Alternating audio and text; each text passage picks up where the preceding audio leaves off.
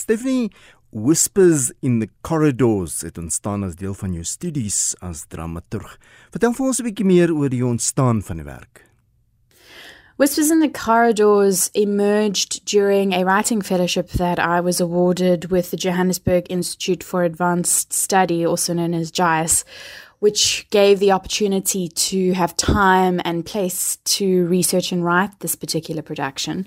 I am a museum theatre practitioner as one of the things I do and is part of my uh, research. And so this was a natural progression for me to now move into a museum in Joburg and explore the space and the histories. And uh, I settled on writing in Constitutional Hill Women's Jail and exploring the various narratives that are associated with the space. The museum did a lot of um, interviews in the early 2000s, which is a wealth of first hand accounts from various women including political prisoners, common law prisoners, and wardens, which gave a wonderful opportunity for me to explore their stories and to think about how I could incorporate them into a performance work, which then brings the idea of these stories, the actors, and an audience together in the space uh, in the present moment. Die titel is nogal interessant. Dit werp seker meer lig op die inhoud van die werk. Coming up with titles as a playwright is quite an interesting thing because for me, it, I often start with the title or the title emerges right after kind of thinking about the whole play once it is finished. And that's what happened in this particular play. It emerged right at the end. And it stems to this idea of the site connecting with those stories that sort of stay within the space. And then the people that come in in the present are privileged as such to listen to those whispers re-emerging in the present. And we're specifically also channeling these whispers through the actors and connecting the space back to the narratives, creating this uh, connection between past and present. And uh, the title then tries to reflect that kind of conversation that might happen quietly some of the time through this idea of whispers that need to be respoken. And sometimes those whispers are not easy to hear, but they are being uttered and they are part of the experience of the space. Wat is die doel van die verhale wat nou in een werk saamgevat is?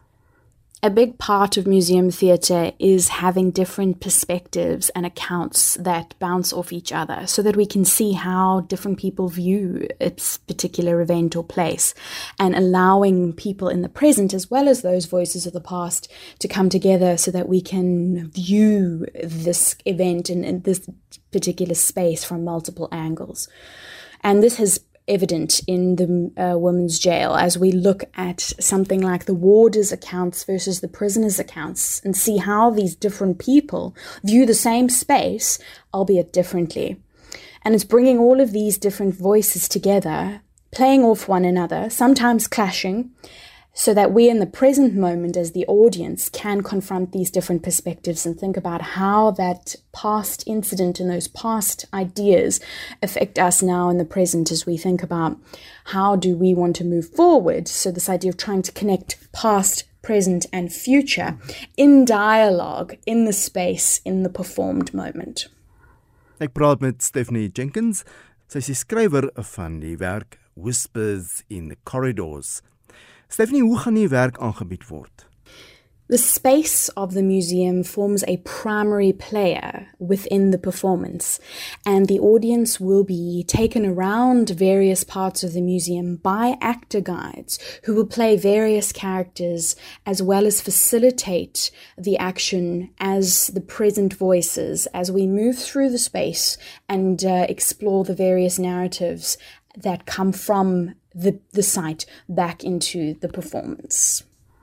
Die manier waarop die verhale aangebied gaan word, bied 'n lekker groot uitdaging vir die spelers. This is definitely a challenge for the actors as they are playing multiple characters and have quite a lot of dialogue that they have to engage with, as well as thinking about this interplay between themselves as guides as well as moving through various uh, different characters that they are portraying which is quite a, a big thing for actors to have to think about as they think about who these characters are and how to physically portray them and think about them as individuals as well as how they fit into the broader narrative. Some of the characters that emerge, including some of the political prisoners that stayed there, a big year uh, that political prisoners stayed there was in 1976, and some of these include Jeannie Knoll, um, Lillian Keagile, and there are various other political prisoners that have uh, mentioned. And some of their letters, like Barbara Hogan's letters, and various accounts and interviews are incorporated, as well as those of some common law prisoners, as the Constitutional Hill Jail colloquially known as the fort, was often a place where people who had pass law infringements and other petty crimes were temporarily kept. And uh, these people also feature. And then we also tie together where we think about warders who control the space and their accounts as to what kind of job was this for them also all feature in this overall piece of work as we move through the museum. Die feit dat die toneelstuk nou in die historiese tronk vir vroue aangebied word, maak dit seker 'n baie unieke ervaring vir 'n gehoor. A big part of this production is the space. It's this idea that we are thinking about the museum in a new way. So we're not just entering the museum as museum visitors to look, but we're also there to experience. And it's to see the space, which in this women's jail is quite deceptive because it's quite a beautiful building in one way. Uh, Fatima Meer spoke about when she first walked in, she thought that she would see ballroom dancers coming down the stairs because it's such a deceptive design. We actually have to go beyond that and think about what actually was happening in those spaces. And we think about what does a prison mean, particularly with a prison that encounters narratives of political oppression and things like pass laws that influence the kind of people who are kept in those spaces.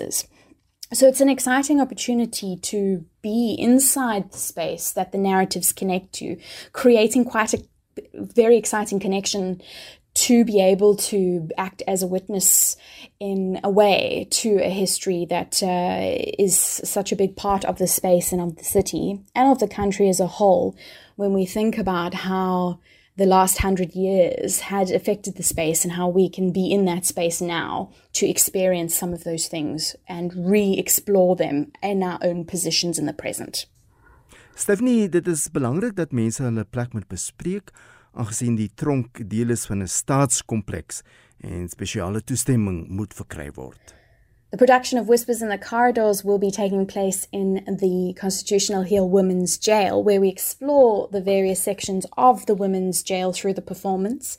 The dates are from the 27th to the 31st of October, and we also encourage schools to join us at a discounted rate to encounter history in a embodied experiential way. Booking is via Quicket Online.